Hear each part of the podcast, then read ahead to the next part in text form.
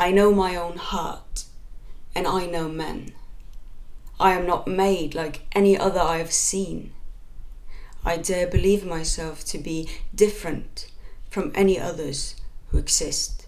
Ann Listers dagbok, som til slutt skulle romme 6000 sider og over 5 millioner ord, er et av de viktigste dokumentene i lesbisk historie.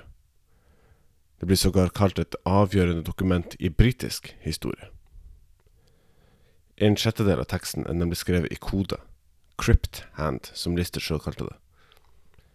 Her forteller hun åpenhjertig, ærlig og ufiltrert om sine seksuelle erobringer, hennes romantiske forhold til andre kvinner, spesielt Anne Walker, og tankene hun gjør seg om sin egen seksualitet.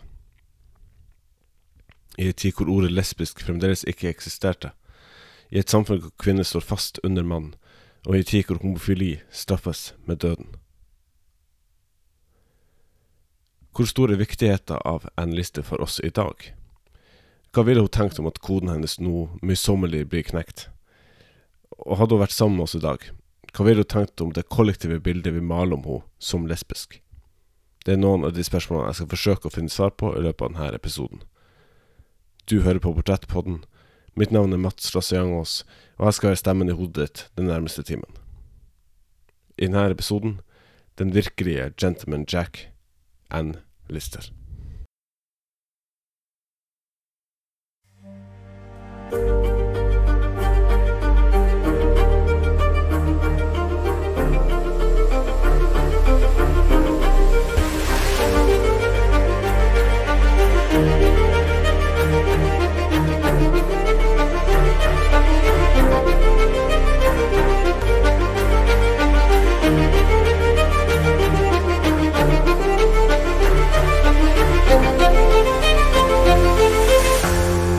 Mitt første møte med Ann Lister var som tolvåring. En ung gutt som sjøl er usikker på hvordan verden henger sammen, hans plass i mosaikken eller puslespillet, og motstridende følelser rundt sin egen blomstrende seksualitet. Skolebiblioteket er stort og luftig, og alt rundt meg er stille. Utafor vinduet kjører biler dovent forbi og fyller den klamme sommerheten med den søte dufta av bensin og eksos. I korridoren utenfor døra hører jeg små bruddstykker av samtaler. Andre ungdommer som ler hånlig og godter seg over hva de har funnet på. Jakta på det neste offeret er i gang. Jeg gjemmer meg for mobberne mine, og selv om det ikke er en vane å gjemme seg akkurat her, så har jeg kommet hit av en grunn. Jeg har nettopp oppdaga Oscar Wilde, en homofil mann som levde i en helt annen tid, lenge før min egen, og som ble dømt til lovens strengeste straff for å ha begått forbrytelsen og elske en av sitt eget kjønn. Jeg fascineres av denne mannen, av hva han måtte gå igjennom, hans ettermæle og tida han levde i. Da bibliotekaren henviser meg til bok med andre homofile, lesbiske og transpersoner på 1800-tallet, er det ett bilde som griper meg med en gang jeg slår opp boka. I ettertidens poesi forestiller jeg meg at det er den første sida jeg slår opp på, at siden blafrer vind og lander på akkurat denne sida. Akkurat det kan jeg ikke love, men jeg husker jeg blir sittende og stirre på dette bildet i flere minutter, knapt uten å puste. Det er et malt portrett av ei ung kvinne. Maleriet viser henne fra livet og opp. Hun er iført en mørk, nærmest vinrød drakt over en sort skjorte. Stiv, hvit krage tvinger haka hennes høyere opp og gir henne en overlegen, men samtidig elegant positur. En kvinne som kjenner sin stilling, sitt verd og sin status. Ansiktet er blekt, med kun lette antydninger til sminke. Håret er pent satt opp, med stramme krøller festa ved tinningene. Jeg slipper pusten og leser overskrifta i utheva kursiv Ann Lister 1791 til 1840. Helt siden da har jeg hatt et ønske om å vite mer om denne kvinna. Hvem var Ann Lister?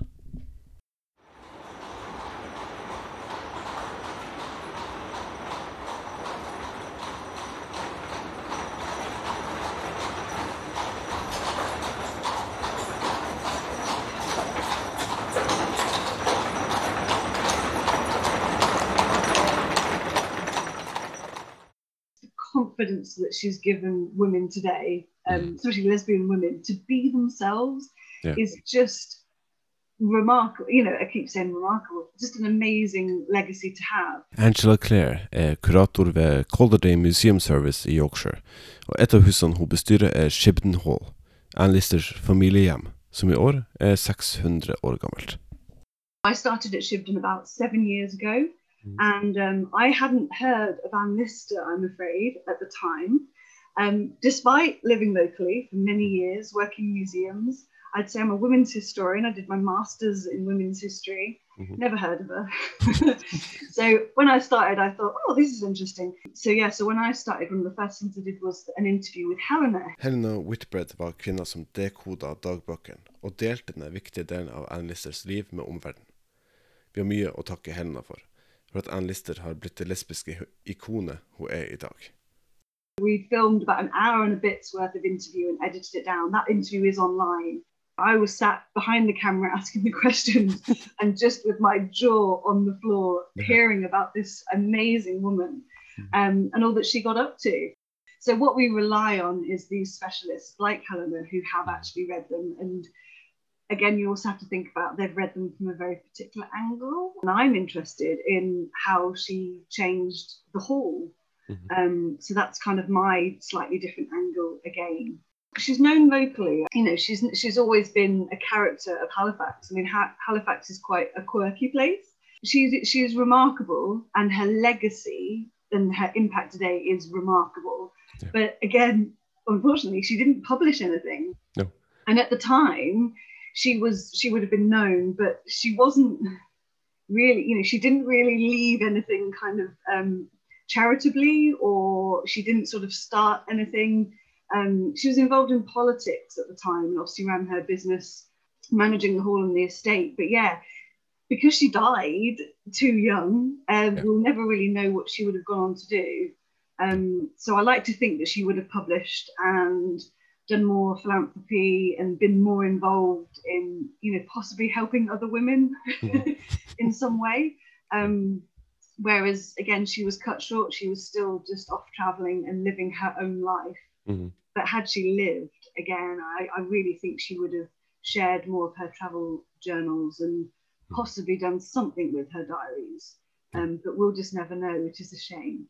Um, so yeah, so she's known in certain spheres, and I think again, obviously, anybody studying diaries Mhm. and women's history, anybody studying um, landed gentry and women who had estates and managed them, she's up there, but Yeah. still within a very small circle, unfortunately. Mhm. And then, um, and then, yeah, and then Gentleman Jack came along, so now everybody knows her. Yeah. However far away my sister goes, however long she's gone for, she always manages to become the topic of any given conversation. I didn't know Miss Lister was back. Oh, very much so, ma'am. Well, well, well. Miss Lister, Miss Walker, all she needs to do now is realize what she feels for me is love. I want you to be happy above all things. I 2019 kom serien Gentleman Jack på BBC i England og på HBO i USA. Serien skrevet av Sally Wainwright og med Suran Jones i hovedrollen introduserer et langt større publikum til denne enestående kvinna.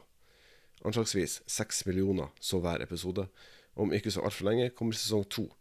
Men visste du at de aller fleste scenene i serien er spilt inn på location på Shibden Hall? Loads of it is filmed at Shibden Hall. Yeah, So yeah, the only thing they couldn't film at Shibden Hall was her bedroom.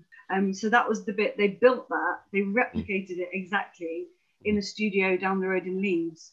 But everything else, so all of the hall, the exteriors, the parklands, all of it is actually at Shibden Hall, which is amazing. Yeah. It is true. It's on site and it's the original building and furniture. And you know, when you see her striding through the barn, that's Mhm. the barn. Um, so I think it's wonderful for, especially the actors in it, especially Suranne. Yeah. You know, she's in the house Mhm. Where she lived, and I think that must be amazing to have that opportunity.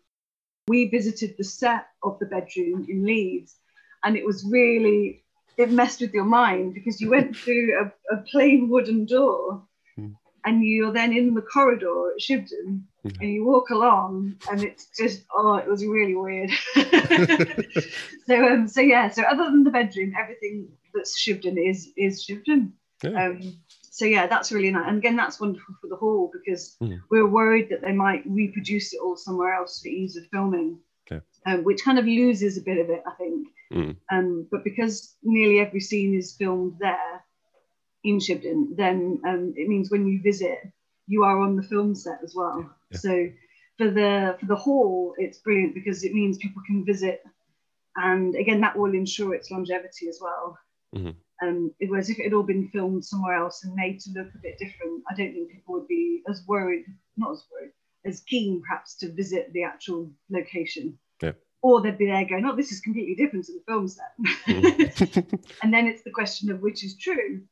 Is Yeah. it the yeah, is the film set an interpretation or is it, you know, could Mm. that be more real than perhaps the hall? Because after Anne died, you've got two other entire families and generations living there.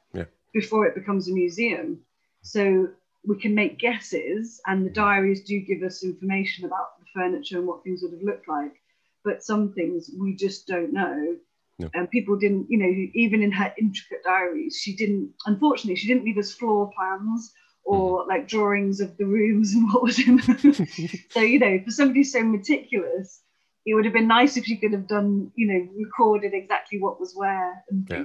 things. but as the diaries are transcribed, we are finding out more, you know, the things are coming out that we didn't know. Um, and um, so, yeah, hopefully, you know, people share with us bits of information that we can include in the hall. Um, and again, references, a lot, most of the furniture would have been there when Anne was there, but it would be nice to know for sure. We've got 600 years, so Mhm. it's it does it is eclectic, but we Yeah. we are currently the hall is mainly focused what it would have been like Mhm. that sort of period, sort of 1830s, 1840s. Still got horse-drawn carriages, but you've got Mhm. trains coming in, you've Yeah. got canals, you've got industry, you've got steam power. Mhm. It's a super exciting period. Yeah. Um, so in a way, it is more relatable. Um, But then for women's history, it's still archaic 200 years ago yeah. with no rights. And again, and also for um, LGBTQ history, you know, it's almost like it didn't exist. No. it's so un- it's so unfair Mm. that again the assumptions and um, again the historians unfortunately were very much from the heterosexual male canon for a long time but this is such an exciting time now Yeah. um, to be exploring these stories and and like I say and this has been known about locally for a long long time but unfortunately you had the cloud of um, not being able to talk about homosexuality in this country you know legally you couldn't talk about it in schools. No wonder it's been so hard for people to talk about these stories. No. And even women's history is so marginalized. Um, and we're still trying to find these examples. And that's where Anne is fab, because not only is she a woman, but she's also gay. Yeah. And I always say we like it that she's definitely gay. Mhm. Because often what you do is you you think, looking back at gay men and gay women, you, you we we're pretty certain they were, Mhm. but we still are making assumptions. Yeah. And also we're imposing on them that they, you know, they may not have ever wanted anybody to know.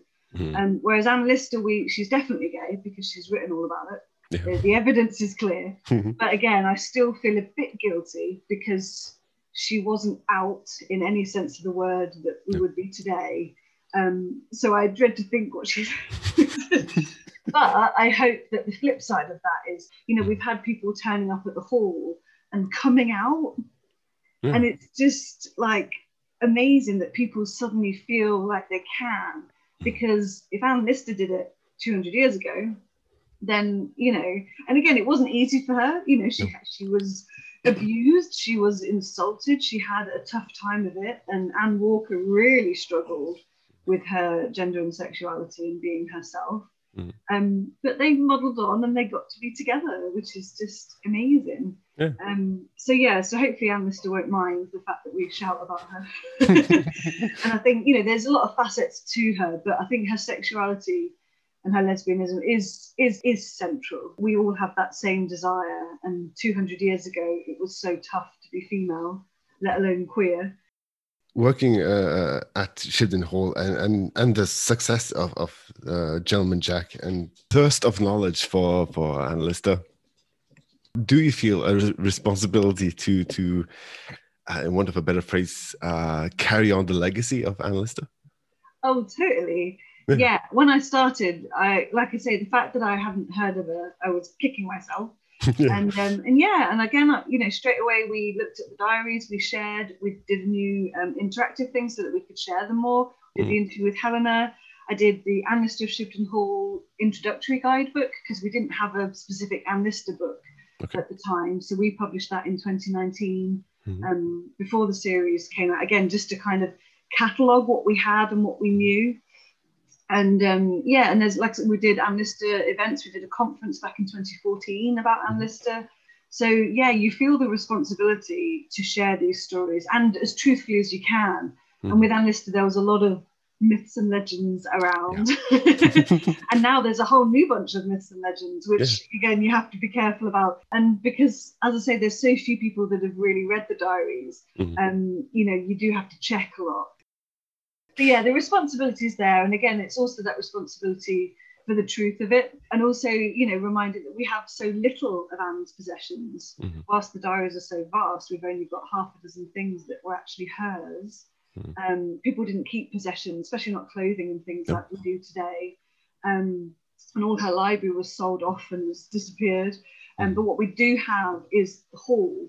Um, and although it's probably changed a little bit since she was there, a lot of her legacy to me is kind of wrapped up in that building and those rooms that she lived in. Anne Lister arva gården etter at tanta hennes døde. Hun hyrte inn arkitekt John Harper og landskapsarkitekt Samuel Gray i 1830 til å gjøre omfattende renoveringer til huset og det omkringliggende området. Et gotisk tårn ble bygd på huset og skulle brukes som bibliotek, samt store elementer i hagen, vannkaskader og en elv man kunne ta en båt ut på. Etter Ann Listers død i 1840 ble eiendommen ført over til hennes partner Anne Walker, som sjøl døde i 1854. Eiendommen ble så ført tilbake til Lister-familien, som donerte det til The Halifax Corporation i 1933, som året etter åpna det som museum. It's very different assets to it. And I think with, with Halifax, um, you know, the whole town is kind of part of her life and things that she explains and explores. Um, and uh, and yeah, and the whole, you know, the big features of it, you know, the lake, she built that. Yeah. Um, and the gatehouse, that was her. The two wings, that was her. You know, she's the big Lister carved lion that you see, you know, that was her. You know, she really did make a difference on the whole. And once you realize how much of it is hers, it's very easy to see it. it's her home, it's what she did, and her legacy. If she'd have lived and published and done more, she probably would have transformed it and made it twice the size Yeah. and so it would have been epic. So it's kind of sad in a way, um, but at least we've still got it captured because at any time during the last hundred odd years that it's been a museum, it could have folded, could have Yeah. been handed over, could have become a pub or a hotel, Mhm. um, and then it just wouldn't really have been the same. No. You know, she may have just been lost as a bit of a local legend. There was some woman that lived at Shibden at some point it just takes a few different things to have happened, like the last resident leaving it as a museum. It's interesting how it's the stories all sort of panned out, and then there was me trying to do what I can with very little time and budget, um, and I was giving talks at different conferences and kind of events and trying to sort of shout about her, and then and then the next thing you know, Sally Wainwright's in the kitchen at Shibden saying she's going to do a TV series. Ikke bare har Sally Wainwright nytt stor suksess med TV-serien Gentleman Jack, men Angela Clare har også, under navnet Clara Barley, skrevet romanen The Moss House, en fiktiv fremstilling av Anne Listers liv. that was my way of sharing an amazingly vast story, but getting it out there to people. Because, you know, I, I thought, well, I can either leave this job and spend four, six years doing a PhD, but then write a very academic kind of account of a certain aspect of a personality, or I can take all the really juicy details and write a novel, which is what I did. And again, it's another way in for a lot of people that people who are reading it that have watched the TV series, but also people are just you know, that aren't necessarily interested in the TV series, but love a good, you know, a page turning novel are Mm. coming at it from that direction. But it's just hooking people. And I think the hook um, for a lot of people, especially for lesbian women, is just, you know, the fact that she was gay 200 years ago Yeah. and had relationships and, you know, it's really tragic, unfortunately. Mm. But, you know, had that confidence to dress a bit differently and be herself. And she means something to different people. Again, that's Mm. where, you know, I think just having a story of somebody who was really um, confident in their, especially in their sexuality Yeah. 200 years ago, is amazing. I think there was a lot of people, especially in the LGBTQ community, waiting for Anne Lister. She's come out literally at the right time. I mean, Mhm. you know, who knows what may happen in a hundred years' time.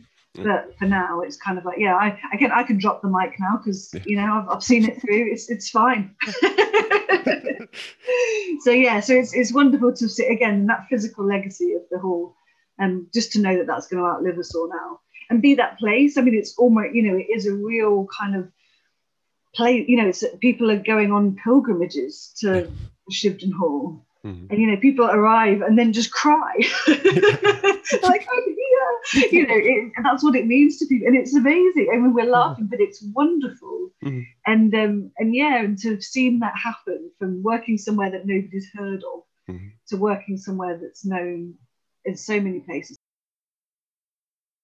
Hvis du er som meg, så har du slukt sesong én av Gentleman Jack. Men her er et lite tips til deg. Se sesong på nytt. Og pass på når Mrs. Watson kommer. Det er nemlig Angela Clare.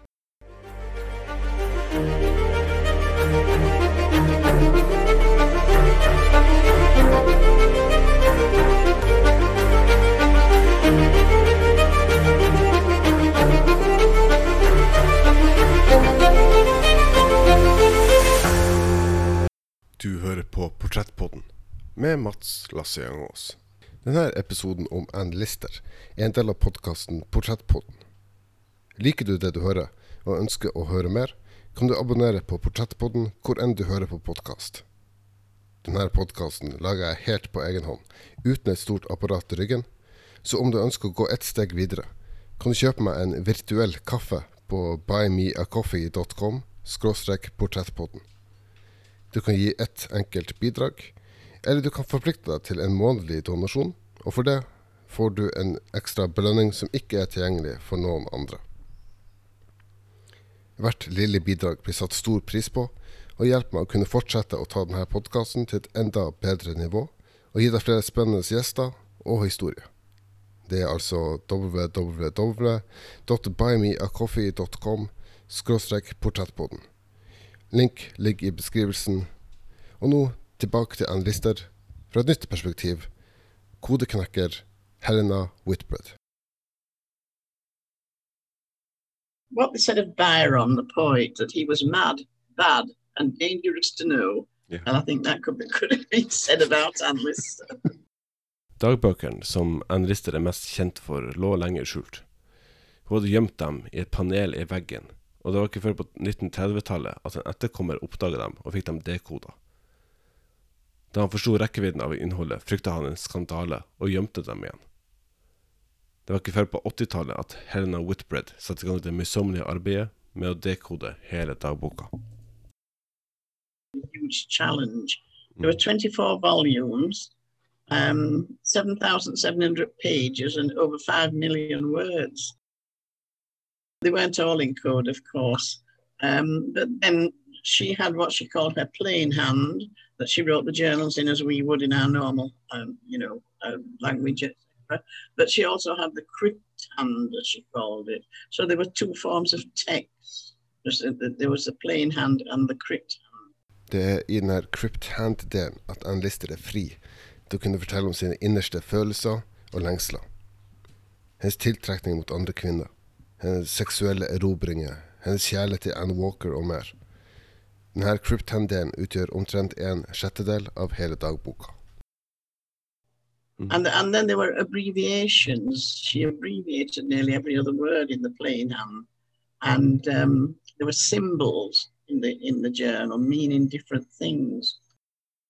My cousin came, but she meant that it was her monthly period, you know, menstruation. Ah, ok. So- and at first I thought, well, she hasn't got any cousins. Mm. But then as I began to realise that she was talking about her monthly cycle, uh, she might say, I'm going to my uncle. And that's what you call the toilet, you know, going to the toilet. I'll just going to my uncle. She used the word kiss indicate that she had a sexual um, experience with another woman, that she meant um, intimacy and um, obviously orgasm, yeah, and um, incurring a cross, and that would mean uh, a little sign in the in the in the in the margin incurred a cross, and that was masturbation, and she was on her own, yeah. Mhm. Um, going to Italy was her phrase for having full sexual um, uh, experience with a woman. you can see what I was into when I was trying to fathom out all these things. What are these signs? What are these symbols? What are these euphemisms? Mhm. You know, as well as as well as decoding all, all the coded passages. It Yeah. took me five years uh, to get through the journals. Um, thankfully, um, a lot of it dropped off later in life when she became a businesswoman. She was into, you know, uh, build, building coal mines and one thing and. So uh, a lot of the mystery had gone out of it by then. Um, so um, yeah, so at the end of five years, I had enough material for the two books. Mhm. I, I I know my own heart and um, no priest but love. Do, then, do we know uh, why she she started writing in code? So, uh, what was the reason why why she uh, felt that she had to had to hide uh, certain parts of her stories? Well, of course, um, lesbianism wasn't known uh, in in those days. wasn't wasn't spoken about. But you know, I mean, I, I really don't feel she could have written about it. You know, in in in her own, without disguising it in some way. Um, why did she do? You know, why did she feel she had to um, record every love affair, every act, every sexual act? Which wasn't only secretive about sex she was secretive about her clothes. She was secretive about her money. She would put all that in in um, in code, and and also if she was um, saying something, you know, quite nasty about people, she would put that in code as well. So anything she wanted to hide at all uh, would go into the code. Um, I think it was. I don't know. Um, why, why would we write in code really? Obviously, because we had something to hide Mhm. and that's what she had to hide her sexuality basically. Yeah. Um, even though she lived um, uh, her outward life, um, she she had what I call um, uh, overt signs, uh, outward signs that look, I'm not like other women. I love and only love the fairer sex, and thus beloved by them in turn. My heart revolts from any other love than theirs. It was obvious that she was a lesbian, um, but but more surprisingly, she managed to live her life as a lesbian in an era when uh, there was no recognition of lesbianism or any support structures or any, you know, um, I mean, today it's, it's much more, um, uh, what shall I say, you can find your own community today, can't you? Mm. And she did very well, but it was on a one by one basis. Yeah. She would have a series of lovers. Yeah. it's surprising how many people fell for her, you know.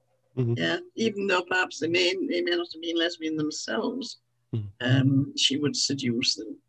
Yes. Why not? Right.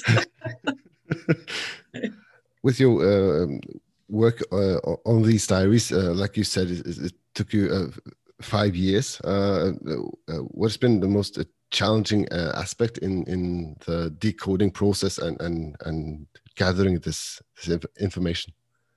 Well, well, as, as I say, um, the, the, the challenges lay in what I've said about the pages, how how, Mm. how, how much there were, how much there was to go through. Uh, I was working at the time as a, as a teacher, and so I well, I used to go down to the archives every week and collect fifty pages, and that would be my spare time job, as it were, to do that. You know, I suppose um, the research that um, it wasn't too bad uh, when I was doing the first book because it was based centrally in Halifax. Mm. But when I got to the second book, I had to travel to Paris, you know, to research there, Mm. and uh, I have difficulty with the language. Yeah. So um, I, I took a friend with me who'd been brought up in Paris. She was a French woman. So um, I, I suppose the challenging bit was traveling around to all the different places. I don't drive, so I always had to have a companion or my daughter or, you know, to take me. So um, there were challenges while I was sat at my desk on my own doing it because of all what I've told you about the euphemisms and the crosses and the symbols. But there were also challenges about um, doing empirical research, if you like, going to where she lived, where she was brought up as a child. And, yeah, it was quite a journey Mm. over five years. Det er fascinerende å tenke på at hele arbeidet begynte med at Helena ønska å skrive en avhandling om Anne Listers brev. Det hun senere skulle oppdage, skulle komme til å forandre verden. Gradvis, ved å sakte, men sikkert dekode ett og ett ord, oppdaga Helena sannheten om Anne Listers seksualitet, så vel som Anns syn på menn, på penger, forretninger og samfunnet hun levde i. Det skulle vise seg at Anne gjennom dagbøkene sine beskrev ei reise fylt med selvoppdagelse og selvdefinisjon som tidligere var uhørt for en kvinne i hennes tid. Da Helena ga ut den første boka I Know My Own Heart i 1988, skrev hun lesbisk historie. Så detaljerte beskrivelser om sex og lesbisk kjærlighet for 200 år siden var uhørt. Den lesbiske verden står i stor takknemlighetsgjeld til Helena for det viktige arbeidet hun har gjort. With uh, Lister uh, living in in Shibden Hall in Halifax, with yourself being from Halifax, did did, did you ever feel you had, you had um, more of a, a, personal connection to her? Yeah, absolutely. Mm. Well, my father used to take us there as children, but uh, we never got into the hall, and I didn't know about Anne Lister as a child. Mm. And then as I grew up, I realised that the Lister family was sort of uh, very important in the history of the town. I'd been born and brought up in Halifax. So every street that I'd walked on, Anne Lister had walked on. Yeah. Well, you know, when you come from a small town uh, and as you grow up in it, you feel it's dull Mm. and, you know, boring and you want to go away. But once I found Anne Lister, the town changed for me. It became very romantic because, you know, Anne Lister had walked up this street or Anne Lister had visited that house. And suddenly the whole atmosphere and the whole aura of my own hometown changed completely for me. Yeah. So that was that, that was quite an experience. Mhm. I'd Mhm. imagine learning about uh, um, historical uh, figures who who might be shrouded in, in mystery. Let, uh, let's say, uh, what has been the biggest uh, misconception that, that you've had to uh, debunk? I, th- I think the biggest myth or misconception about um, that I had to debunk was that uh, the demonization of Anne Lister. You know, Mm. people demonized her as a sort of a predatory lesbian who destroyed the lives of the women she seduced. Mm. Uh, they thought um, that the mothers of young daughters in Halifax would just say, "Oh, it's no great thing to be seen with Miss Lister. You know, you must keep away from Miss Lister." Uh, because of course older generations had sussed her out, that the young girls would be flattered. The difficulty was that because the, t- the, the families was the family of the Lister family was so high ranking in the town, Mm. it was considered a compliment if Miss Lister called on you. You see, Yeah. but not so much of a compliment if she'd come to your doors. Mhm. So um, yeah. So then, of course, um, after her death, um, there was absolutely no knowledge of her as a lesbian. Mhm. And it's only um, when the last Lister that lived at Shibden Hall, when he and Arthur, his friend Arthur Burrell, uh, found the key to the code, and when they uh, unlocked it and read what, what she'd written, they were horrified. Mhm. And Arthur Burrell said, We've got to burn the journals. But luckily for us, John Lister was an antiquarian. And he said, No. He said, It's um, this is a, a, a, a valuable document. But he hid it behind some panels in the wall. And after his death, um, Shibden Hall was given over to the Halifax Council.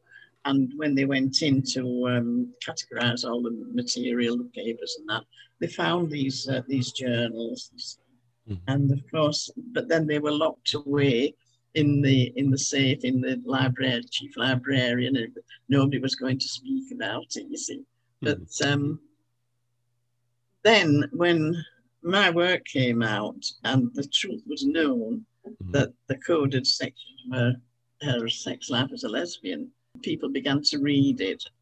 Helena was perfect back in the 80s. and Angela Clare.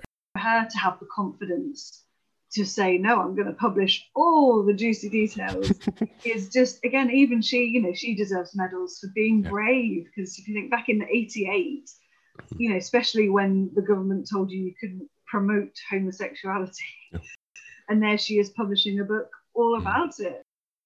A lot of people said that she was predatory, you know, she preyed on women, that sort of thing.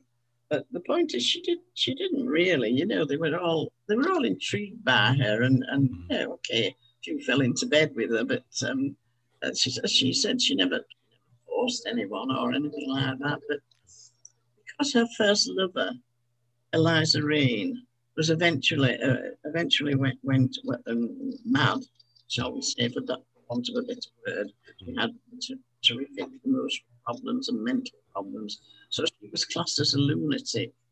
And of course, then her last lover, Anne Walker, also, well, the, the myths arise, you see, that oh, Anne Lister has these women and they all end up in, in lunatic asylums. you know, so so that it was that really that, that uh, what they said of Byron, the poet, that he was mad, bad, and dangerous to know. Yeah. And I think that could be, could have been said about Anne Lister. What does it then mean for, uh, for a town like Halifax to have such a such an icon? um, it's it's wonderful, but it also amuses me, Mm. you know, because uh, oh, at one time you hadn't to mention a name, you know, nobody had to know. Um, the the uh, journals were kept under lock and only a certain group of elite people in Halifax, you know, like the librarians or the Halifax Antiquarian Society. But I don't think even many of the Halifax Antiquarian Society would know what was in the code. Um, so uh, when my first book came out, that there was an enormous amount of interest. Thankfully, none of it, none of it hostile, because um, I thought that that somehow or other that I was, um, I would be accused of blemishing this family. You know what I mean? Yeah. Sort of, it's a skeleton in the cupboard, if you like, as we say. I don't know whether you have a similar phrase Yeah. and somebody's got a big secret that they don't want anyone to know. Mhm. And I'd unlocked the cupboard, you know, and brought her out a bit. And um, I always remember that uh, uh, the, the, the, the year my book came out, 1988, my first book, there was um, a clause 28 passed by the government Clause 28, eller klausul 28 på norsk, var en britisk lov som forhindra promotering av homoseksualitet. Loven ble introdusert av Margaret Thatchers konservative regjering, og var i full effekt fra 1988 og helt opp til 2003. Det forårsaka at mange organisasjoner, bl.a. støttegrupper for unge lesbiske, homofile og transpersoner, ble tvunget til å stenge ned. And here was I, as a teacher in a Catholic school, uh, bringing out a book on lesbian sexuality, you see. So I thought I'd better go and see my headmaster. before, he, before he booted me out. um, but I said to him, look, um, I'm afraid that there's a book coming out this week that I've written, and um, it's about lesbian sexuality. And in the view of clause 28, I can see it would be difficult for you. And he said that he was very, very good. And he just said, if you have any, if you have any trouble with parents, but staff or students, send them to me. Hmm. You know. So I thought, oh, and then just like that, and then gave him a copy, of course. Mm-hmm. and then he said to me later, he said, "You've lit a slow fuse with this book," hmm. and I thought, what, what does he mean? But now, slow fuse is like a big bonfire now, but it's Yeah. taken forty years nearly. Looking at the the um, Gentleman Jack series and and the the the vast pop- popularity of, of Anne in, in recent years. Um, uh, do you ever think back and and and say, what if I didn't uh, decide to to write that research paper? What what then? Yes, I don't think all this would have happened. I really don't. No, no. I mean, those journals have been laid there in the archives for 150 years, something like that, and nobody's really given them a thought. You know, so who else would have done it? I wonder. Mm-hmm. Tend to be for my curiosity. Well, not my curiosity, my desire to write something about a local person. I mean, there were parts of her letters had been published in the in the in the in the Halifax Courier, the, the newspaper, but just the letters, and it would be about the politics of the town or something like that. Any Mm-hmm. comments she had to make, you know, or the social side. Mhm. Um, her, you know, the people she went to tea with and all. It was all very, all very Jane Austen. I Mm. don't know whether you read her Yeah. stuff, but um, I say I, I, I always said it's like it's it's like drinking champagne, uh, uh, reading Anne Lister, as opposed to something milder, reading Jane Austen. yeah. you could say that, yeah. Yes, it's the real McCoy, Yeah. the real thing. But I feel that the benefit it's brought to the lesbian community is Mm. huge. Yes, I do really. Yeah. I mean, if, if you could see the, you know, the, the emails and the um, things that messages that I've had, hundreds, hundreds of women all over the world, really. Yeah. Yeah, mostly America. Mm. Apparently, as, as far as as is known, it's the only um, frank um, uh, document from from a, a, lesbian. It's been written in such detail, you know. Yeah. Yes. So she's they, they have a, Rick, a man called Rictor Norton. Have you read his stuff? Mhm. He called her the first modern lesbian Yeah. Mm, because she was the first lesbian to write um, uh, about her, her intimate life. And I know we shouldn't always be looking. I mean, being a lesbian doesn't define her as, as a life. No. You know, I mean, she was a really successful businesswoman and climbed mountains, traveled, you know, developed the estate. Yeah. Um, but it's it's the uniqueness really of what she put in coded um, passages in a journal that has made us stand out in a way. Mm. Well, in a lot of ways, yeah. Yeah. Mm. So You worked so so long on on on the life uh, and and times of Anne Lister and learned so much about her. Uh, uh, is, is there one thing uh, you've learned from her life that you you see comparisons to your own life? Well, I I, I, th- I think um, a, a lot of the main thing about her was her courage. Yeah. Take courage in who you are, what you are, and be frank and open. And and um, not that she was very frank and open because she put it all in code, Yeah. but uh, these days that wouldn't be necessary to use a code. Although obviously we don't write about our intimate sexual lives like that. No. But I think it was the courage with which she faced uh, society. Mm. Didn't um, compromise. Uh, she always wore black. She always had a woman companion. Mhm. Um, she wrote in her journals um, uh, that I love and only love the fairer sex, and thus be loved by those in turn. My heart revolts from any other love than theirs. And that was her lesbian mantra, and she never deviated from it. And people have to be brave and have to come out and, and, and face the world, obviously. And why not? Yes. Yes. But, uh, I would say courage. Yeah. She used to say things like, I rise above it. If she'd been snubbed or I rise above it. Or she would say, No mere mortal can offend my soul. You know, she was really tough. She was tough. I think that's the lesson we can all take from her.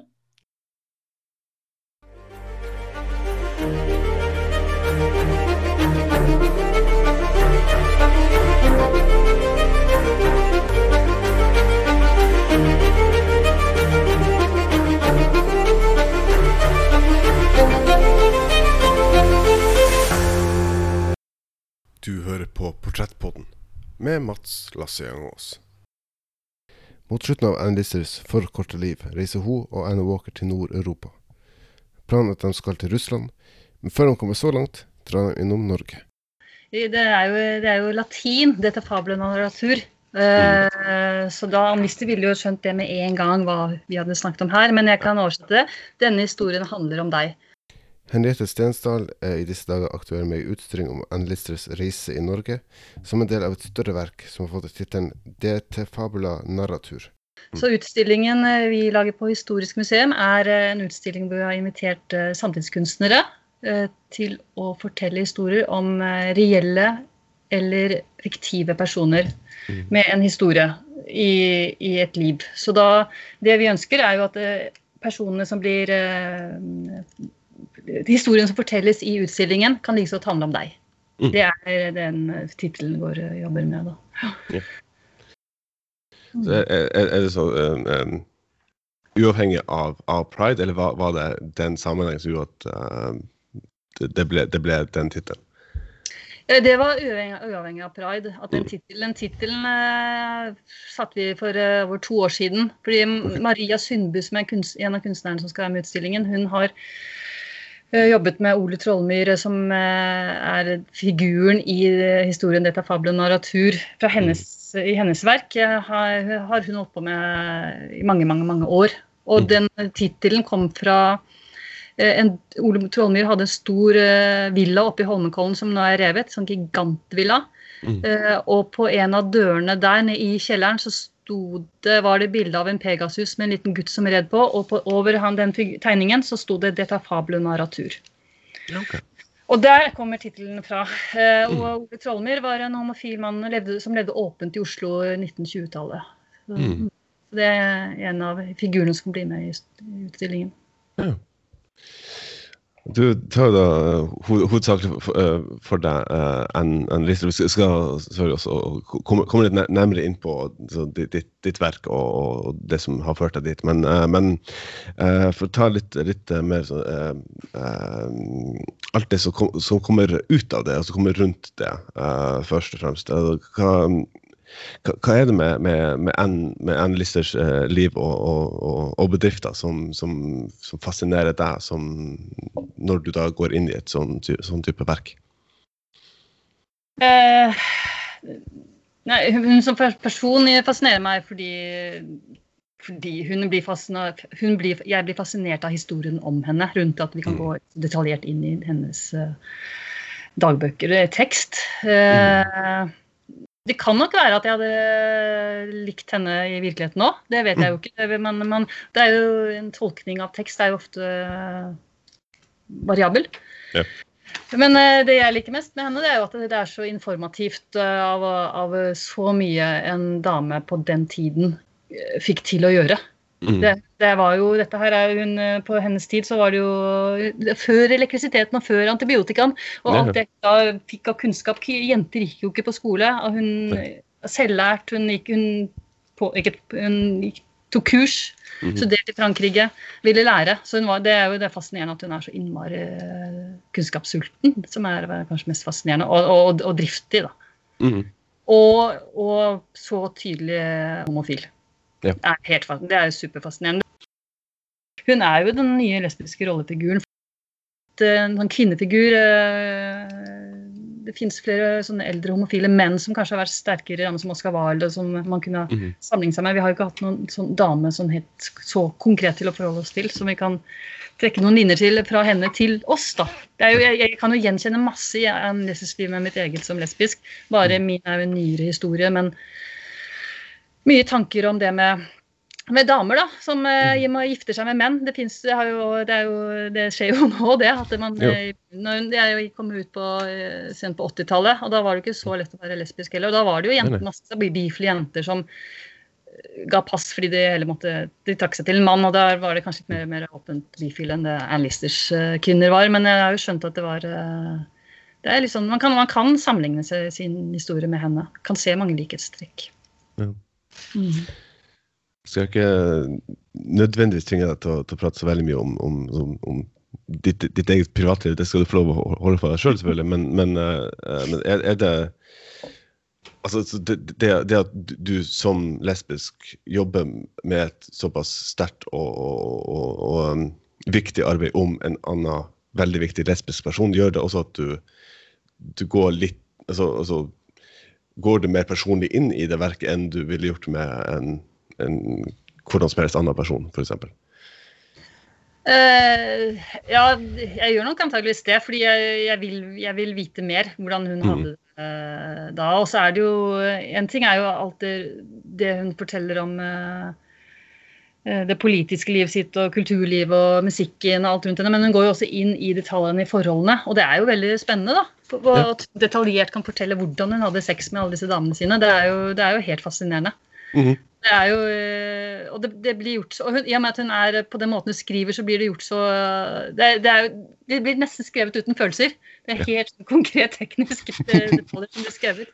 Og hun, hun, er så åpen, for hun sier jo i dagboken sin at jeg er så glad i dagboken min, for her kan jeg skrive eh, det kodet og, og mm. få alt ut akkurat som det er. Og det, har, det får vi jo også presentert. og det det er jo inspirerende fordi det også er så underholdende. For meg er det mye underholdning i det. Men jeg, mm. Og det er sånn god historie.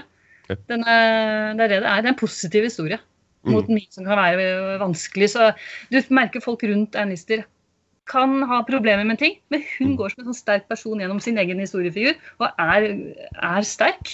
Ja. ja. Mm. For å eh, snirkle oss litt, litt, litt, mer inn på, på uh, det norske perspektivet. For det, det er jo en, en, kvinne og hennes, hennes følgesvenn Anne Walker. De, de, de, er veldig glad i å reise, og det som alle som har sånn perifer forhold til, til Annelise, vet at hun er veldig glad, i å beskrive nøye eh, hva hun driver med eh, fra dag til dag. Um, de, de reiser også til, til, til Norge i, i 1839. Wednesday, July 31st. Fair but dull. Fahrenheit 67.5 at 8 a.m. breakfast at 8.40 to 9.15. Waited for carriage. Out at 9.55 to the castle. Sent back our new guide at 10.15 who brought the carriage at 10.30. Fine view from the castle of town and fjord. Took the carriage up the hill, the road we came to see the view. Four shillings paid the woman at house where we elated on coming away at 11.30. At the new palace at 1210. Hexastyle portico and hall opening on the top of its 20 times 15 yards. Handsome room at the back of the staircase, columned. A Saxon at work at the Scagliola pilasters, ceilings boards, and two layers crossing each other, of reeds, put on with wire, floorboards one and a half inch thick battens, gave at the palace gate four shillings. Came away at 1.20, at the Botanic Garden at 1.40. Anne and I had coffee at 10. Fine day, but heavy showers at 3.45 for 20 minutes. Vinklingen til denne utstillingen var jo at det er mye å ta tak i i Andisers historie. Man kunne tatt mange detaljer, eh, men så valgte jeg da eh, turen som jeg funnet ut at de hadde til Norge. Eh, fordi det kan være det, det, det, det, var bare et valg, rett og slett. Mm. Også, og kanskje fordi det var et vanskelig valg, at jeg måtte virkelig gå og studere litt selv også. Fordi det er mange som har funnet mye ut om analyser. Ingen har gått inn i dette her. Så det var kanskje litt sånn egen litt sånn, uh, egoistisk ting at det, her kan jeg forske litt selv. Det er en til. Anne Haugen. Yvonne, unnskyld, Yvonne Haugen, som også er uh, meget god på um, Anne-lister i Norge. Hun har egen nettside på det. Uh, Anne-lister i Norway. Så vi har, vi har hatt et par møter sammen.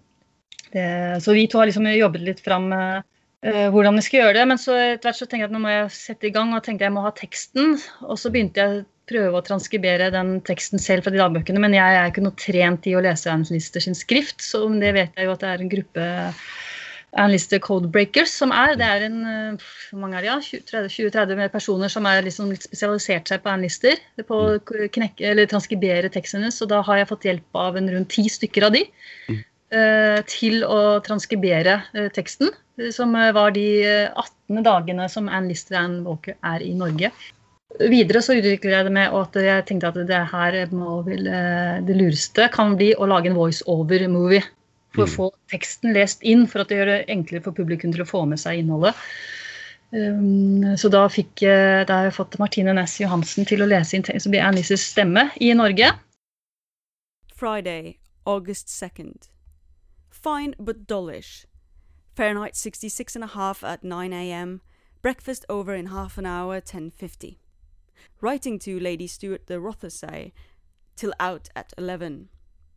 At the Musée des Northern Antiques from 11.10 to 12.55, home at 1. The Musée is small, but the professor of history and antiquities himself showed us the things and was very civil and spoke so well and slowly I understood a fourth of what he said by means of a few words of Latin now and then. Da har vi, hun er veldig god på de norske uttalelsene av ordene. Jeg håper Anne Lister også. Lister prøver å lære seg norsk i Norge. Mm. Det, har vi, det vet vi gjennom teksten. Eh, I tillegg så var det at eh, det er eh, bedre å høre på tekst og lese det samtidig, men så tenkte jeg vi må illustrere det samtidig. Og da har jeg funnet fram skisser fra, mm, fra, fra kunstnere som har vandret rundt i Norge på, i samtid med Anlisters Listers besøk og liv. 1830, nei, unnskyld, 1830 ja, til 1845, Tegningskister fra den tida, som beskriver de stedene en og Anne Walker besøkte i Norge, som vil illustrere tekst, lyd og tekst uh, i videoen. Mm. Så det, det er en uh, eh, Ja, det blir en sånn uh, visuell kulturopplevelse. Anne Lise forteller oss lyttere hvordan det var i Norge.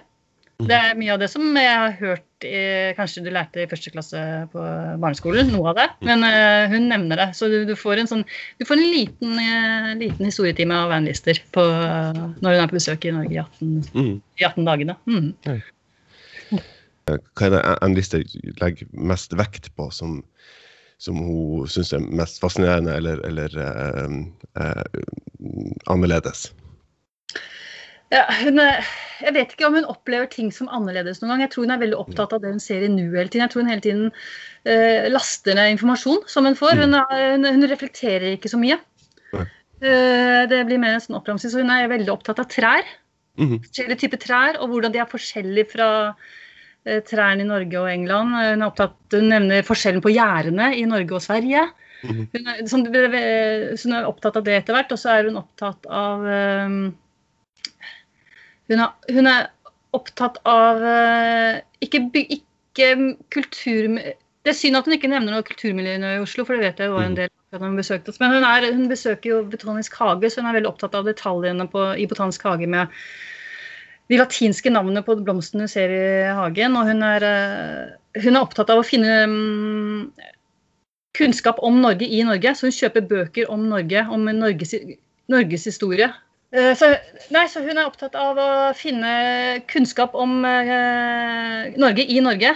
Der hun finner, kjøper bøker og uh, gamle Nei, de var jo nye da, den gangen. da. I, uh, ga, hun har en bok som hun kjøper som er uh, historien om gamle Norge, som kom ut i 1839. som hun kjøper av blant annet. Eh, og det er den hun leser litt i Norge. Så hun, og så er hun eh, og så går hun videre og så er hun på jakt etter de eh, klassiske turistmålene, som andre turister også er opptatt av, er å komme seg til, eh, til utsiktsposter og fjell. Så Anne Listers lille mål i første omgang er eh, å komme seg til Bolkesjø for å se Gaustatoppen. Ghosta not visible all day. Fair since noon and even fine from about 2 p.m., but still Gausta is hid in clouds and mist. Determined at dinner to stay here till 3 a.m. tomorrow and then go to the mountains, or home again according to the weather, having sent a forbud towards the mountains.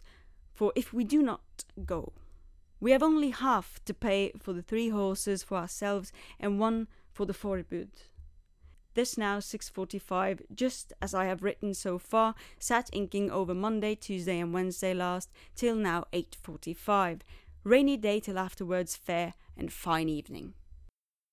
på veien dit så, eh, så opplever hun hele tiden Hun forklarer hele tiden hvor hun er og hvordan det ser ut der. Og, og hun er opptatt av hvordan menneskene tett rundt henne eh, er. Så hun Mm. kommenterer eh, Hun, hun får jo en, en guide, norsk guide i Norge. Så hun, hun, hun opplever han og forteller sånn tett rundt han, hans familie. Og, så hun er jo litt opptatt av menneskene rundt seg, så hun forteller om dem òg. Ja. Og så forteller hun at uh, nordmenn er drikker mye.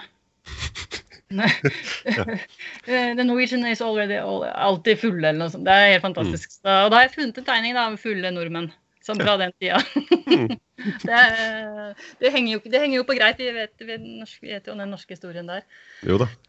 Uh, og det, det nevnes Jeg leser om sånne gamle reisebøker fra um, andre, en engelskmann. Han også nevner at de der fulle de roerne i Norge og de fulle de hesteførerne som var fulle og Det er, liksom, det er så mye fulle folk i Norge på den tida der.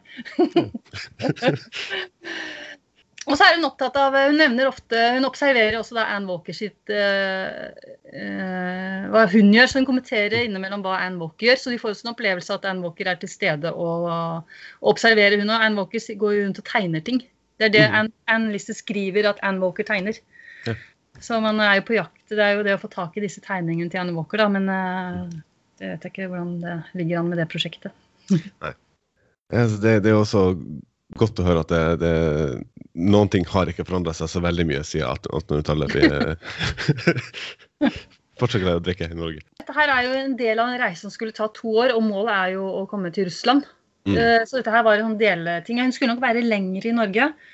Fordi eh, nå, hørte, nå ble jeg fortalt av en av guidene på Sheepton Hall eh, i hjemmet hennes når vi var der, at hun fortalte at antagelig så kom tømmeret til Sheepton Hall fra Bergen i Norge. Så jeg tror nok hun kanskje var på jakt her i Norge. Hun skriver ikke noe om det, men jeg tror kanskje hun var litt på jakt etter eh, fordi hun er interessert i businessen sin og, og det tømmeret.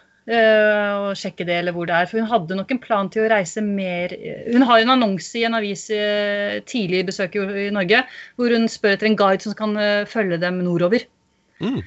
Men uh, pga. det ekstremt dårlige været de har møtt, så, så reiser vi fra Norge tidligere. Og hun sier også uh, vi må komme tilbake til Norge, men ikke i år. Nei. Så, det noe, så hun hadde nok eh, hun, hadde, hun hadde planer å besøke Norge igjen, antageligvis eh, for å oppleve å mer natur nordover, og Mm. antageligvis sånn business i forhold til utviklingen av Skibbenhold, da, kanskje. Mm. Jeg kaller meg jo sånn hobby-serendipity-forsker. Serendipity-forsker. Ja. Det er at når man finner noe, og så går man inn for å se på det, og i det så finner man noe mer. Mm. Og det er det som har skjedd et par ganger i den, eh, det materialet her. Da. For når jeg har gått inn og lest teksten nøye til Annelises notater, så ser jeg jo som f.eks. at hun har vært på Historisk museum, som denne utstillingen skal være på. Da dog i et annet navn og lokale i Oslo, eh, eller Kristiania den tid. Og så går hun f.eks. og så sier, nevner hun i notatene sine at hun har funnet en interessant islandsk kalender. Hvilken kalender kan det være? Mhm. Ja, det finnes jo forskjellige kalendere, men, men så viser det seg at eh, museet har en gammel islandsk kalender, Talbringudur. Et regneark som beskriver fra tidlig 1700-tallet til 2050 på hvilken dag eh, første påskedag tror jeg det er, kommer hvert år. Og Det er en typisk Ann Lister-interesse, så den skal man få lov å se på i utstillingen. Og så er det jo den derre med opplevelsen av eh, det historiske, hva som skjedde i Norge, er interessant. Men så er det også det med at jeg kan bevitne det med annonser i avisene som hun eh, har satt inn på ting hun ønsker som guide. Og hun ønsker eh, Hun annonserer mistet ring for mistet onkelens eh, sørgering. Som hun prøver å få tak i. Drar til politiet, setter annonse i avisen. Eh, lover fem spesidaler til den som finner den. Wednesday, August 7th. Found on going to bed last night that I had lost my pincushion with the morning ring from my uncle pinned on it. Think to go back to Drammen for it. Fine but dullish morning, Fahrenheit 68 degrees. Hun fi- fikk dessverre aldri mulighet til å komme tilbake til, til Norge, um, som hun da hadde planlagt. Uh, det blir litt sånn corny, altså, men, men eh, har du også litt sånn følelse at uh, nå har, nå har endelig kommet tilbake til Norge? Absolutt. Det er uh, Ja, nei, nå får andre gleden av den gleden jeg også fikk da hun besøkte deg. For man blir liksom stolt. At hun den kjend, Hun er jo kjendis for oss i uh, Anlister-fanmiljøet. på en måte en sånn kjendis, og det er, hun, er liksom, uh, hun stikker innom meg, hun har vært her òg. Så hun har vært på, og, kan, og det er også litt med metallene på detaljene i at folk kan kjenne seg igjen. At jeg er jo fra Gjellebekk ved Drammen i Randsborg eller liksom alle de stedene. At jeg er jo, jeg er jo derfra. Hun har vært her. Kanskje hun har, gått, kanskje hun har stått akkurat her, og det er litt sånn viktig, syns jeg. Ja. Og en annen ting jeg vil si I forbindelse med det, så vil jeg tro at hvis hun ikke hadde dødd i 1840, så Mm. tror jeg ikke vi hadde hatt dagbøkene. Det er godt mulig at hun, eh, fordi Fotografiet kom jo i 1840-41. Mm. Så jeg tror kanskje at Anne Lisse begynte å se at ting ble dokumentert på en annen måte. Og det er, ikke, det er godt mulig at hun hadde ødelagt dagbøkene sine ved å bli Mm. gammel, f.eks. Ikke umulig. Mm. Fordi etter, etter at hun døde, så begynte det med å dokumentere ting på en helt annen måte. Mm. Mm. Så hva ønsker du at, uh, at publikum skal sitte igjen med når de har, har sett hele verket, og, og hva, hva kan uh, Anne Liste fortelle oss om måten vi lever i i dag? Eh, det jeg håper jo at dette kan eh, vekke litt mer nysgjerrighet rundt ernlister. At de, eh, liksom, de kan se på dette som litt, kanskje litt sånn underholdende. Fordi Mm. det er jo eh, Vi har blant annet ikke, men det er ikke noe kodetekst i denne teksten her, så vi får ikke det eh, Her Secret Life-fortellende. Mm. Men eh, eh, at de blir litt mer nysgjerrige, og de, de, at det sprer seg.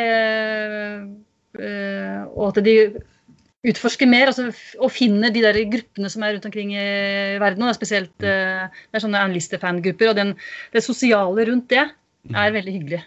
Så jeg håper at mye publikum som kanskje ikke er i det, men kanskje de eh, finner at det er akkurat det de skal holde på med. Det er veldig mange som er med i det sosiale nettverket. At det er flere som kommer til det. Og at det da rundt denne historien her kan da s- det- har ikke blitt det for meg, men for mange har det vært viktig i deres eget liv for å kunne være seg selv. Og for Mm. det er, som jeg er stolt av å være lesbisk, stolt av å være homofil, stolt av å kunne utvikle seg selv som man er.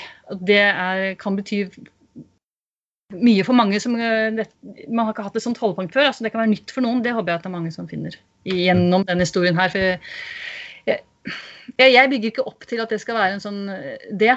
Eh, Det er en ting jeg håper man kan oppleve som en effekt av det i ettertid. Ja. Mm. Utstilling i seg selv er jo effekten av at man skal Det å være skeiv og At alle historiene i utstillingen kan være deg selv. Så det er en sånn oppbyggingsutstilling. Da Da håper jeg også Anne Listers historie kan bidra til det. Ja. Mm. For de, for de som, som, som ikke er så heldige at uh, vi har mulighet til å se uh, utstillinga in person, eh, som jeg sier på godt norsk, eh, i Oslo Uh, eh, det, eh, blir det senere en mulighet for å se videoen på, på, på andre eh, plattformer enn en selve, i den, i selve den utstillinga? Ja, jeg eh, ja, Det har jeg jo egentlig tenkt litt på. Jeg ønsker jo å få den eh, i første runde til, til den der bursdagsfeiringen i Halifax Mm. i 2022. Det, jeg har ikke kontaktet de ennå pga. at filmen er ikke ferdig. Jeg må føle at jeg må ha ferdig materiell før alt er gjort. Eh, og, er, og etterpå så er det kun eh, noen lisenser som må være i orden til at den kan ligge på nettet.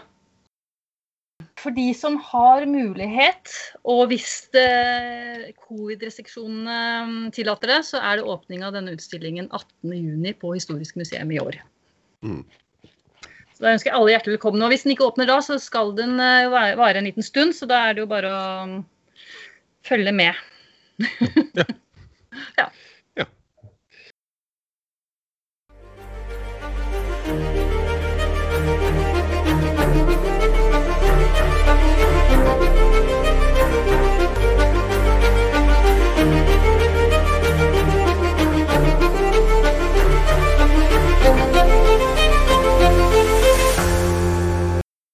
Du hører på Portrettpodden med Mats Lasse Jangås. Anne Listers siste og største reise begynte i 1839. I juni dro hun og Anne Walker sammen med et par tjenere i deres egen vogn gjennom Frankrike, Danmark, Sverige, Norge, som vi har vært inne på, og i september kom hun til St. Petersburg, og i oktober kom hun til Moskva. Med noe motvillig Anne Walker på slep forlot de Moskva i februar 1840 i en ny russisk vogn og mange varme klær. De reiser sørover langs den frosne Volga-elva og til Kaukasus. Reisen ender i Georgia. Lister blir angivelig bitt og utvikler en feber som dessverre krever livet hennes. Hun dør 22.9.1840, 49 år gammel. Så hva er ettermælet til Anne Lister? Det er viktig å si at en seksuell legning ikke er det eneste som betegner et menneske. Men med tanke på den arven Anne Lister har gitt oss, ikke bare som lesbisk, men den detaljerte betegnelsen av dagliglivet i Halifax, er det mye vi har å takke henne for. Hvem vet hvordan ting kunne endra seg om hun hadde hatt mulighet til å være åpen og usensurert i sin egen tid. Hvordan ville historien ha huska henne? Gjør det at så store deler av hennes liv ble holdt hemmelig bak den intrikate koden at hun er mer fascinerende og fengslende for oss i dag. Om det er noe vi kan konkludere med, er at Anlisters Listers liv har hatt mye større ringvirkning og innflytelse på livene til generasjoner av lesbiske, homofile, til alle som føler seg utafor. Det er vanskelig å si at hun kunne forestilt seg hvor viktig dagbøkene hennes skulle bli, men vi er heldigere som har dem. Vi er heldige for kvinner som Helena Whitbread, som knakk koden og brakte denne historien til live. Vi er heldige for kvinner som Angela Clare, som tar godt vare på familiehjemmet hennes og sørger for at enda flere generasjoner bokstavelig talt kan gå i Ann Listers fotspor.